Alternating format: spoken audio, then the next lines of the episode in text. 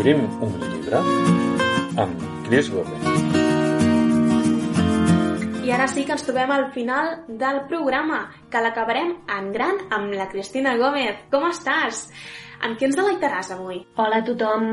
Avui obrirem un Premi Carlemany. Pels que no el coneguin, aquest és un premi que atorga cada any al govern d'Andorra, juntament amb les editorials Columna i Proa, que després editen el llibre. Però té una particularitat, i és que s'ha convertit en un premi per fomentar la lectura entre els joves.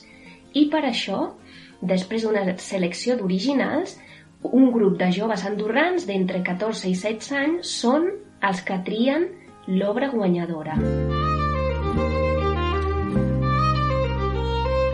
Aquesta peça que està sonant forma part d'un enregistrament que ja es va fer fa uns anys on van col·laborar músics anglesos i músics amateurs dels camps de refugiats de Calais, a França.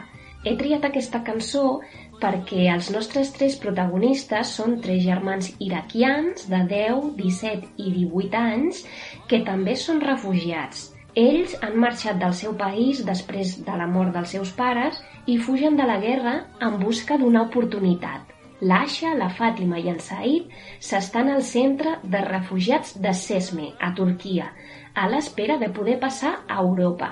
I és aquí, a Sesme, on el seu camí es creua amb la d'una jove, la Jane, una noia britànica de família benestant que passa les seves vacances en el resort Alibaba Dreams de la mateixa ciutat de Sesme.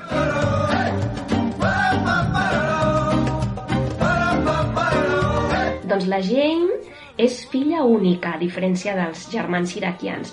És filla d'un professor universitari d'economia i d'una periodista de la BBC. I des de ben petita s'ha entrenat per competir al més alt nivell de natació. I quin vincle té amb els tres germans iraquians?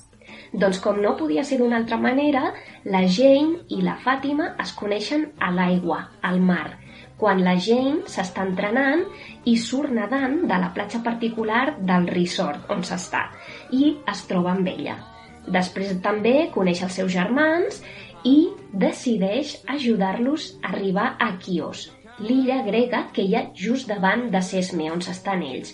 I Sesme de Chios està separat només per 5 quilòmetres, però 5 quilòmetres d'aigua i de mar. I per tant, eh, el que si la, se li acudeix a la gent és fer servir tot aquest talent de nedadora, tots aquests anys de dur entrenament, per ensenyar-los a nedar i arribar sants i estalvis a Europa. Com definiries la història dels personatges? Si, si ens haguessis de dir alguna cosa, què ens diries? Què ens explicaries? La nedadora és un llibre d'acció i d'aventures que patiran i ens farà patir a nosaltres els seus quatre protagonistes. Però també és una història sobre la consciència i el compromís de les persones, ja que la Jane experimentarà un canvi, eh, un viatge, farà un viatge interior ella mateixa i farà que la resta, la seva família, també canvi gràcies doncs, a això, a la seva tenacitat, al compromís i a la solidaritat. Aquest llibre ens demostra i ens recorda que els joves poden canviar el món i que per millorar la vida de les persones doncs només cal voler fer-ho. És a dir, tot un símbol d'esperança que agraïm que ens hagis compartit, Cristina, en una lectura escrita pel lleidatà Francesc Puigpelat, amb el llibre La nedadora. Exacte. La Jane ens fa pensar en, en com podem fer servir els nostres propis talents i com podem fer arribar la nostra llum als altres. I m'ha fet recordar una llegenda oriental que justament es diu El llum del sec, que m'agradaria compartir amb vosaltres. La llegenda diu que fa molt de temps hi havia un noiet anomenat Kabir, que cada vespre sortia a fer un vol pels foscos carrerons de la ciutat. La jove Rohana l'observava nit rere nit des de la seva finestra que en ser la més alta de l'edifici li permetia veure passejar aquell noi, que sempre portava un llum d'oli en una mà i un bastó blanc en l'altra. Quan va preguntar als seus germans grans per aquest fet, li van dir que efectivament en Kabir era completament sec. I aleshores, per què necessita un llum d'oli? Va pensar la Rojana tota intrigada.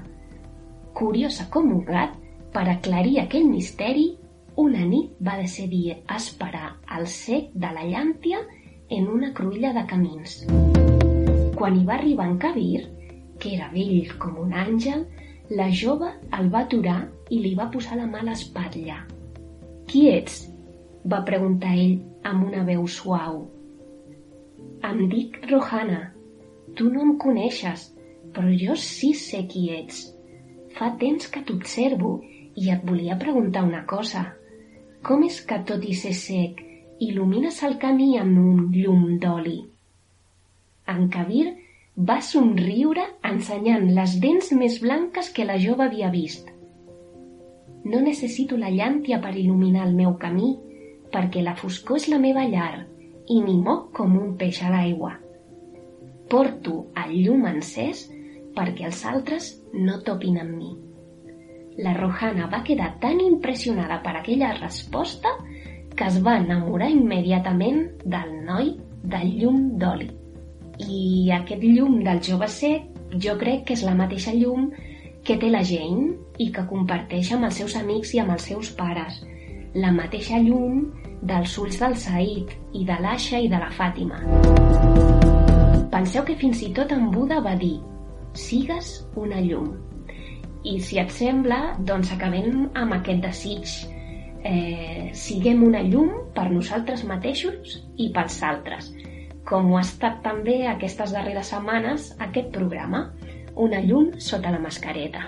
Oh, Cris, que bonic! No ens esperàvem que ens portessis un paral·lelisme tan proper. Com sempre, bé, dir-te que és un regal escoltar-te per la delicadesa amb què t'expliques, per la voluntat i les ganes que hi poses en fer ràdio. Moltes gràcies, Cristina. Moltes gràcies a vosaltres, Clàudia. Ha estat un plaer. Fins aviat. Adeu.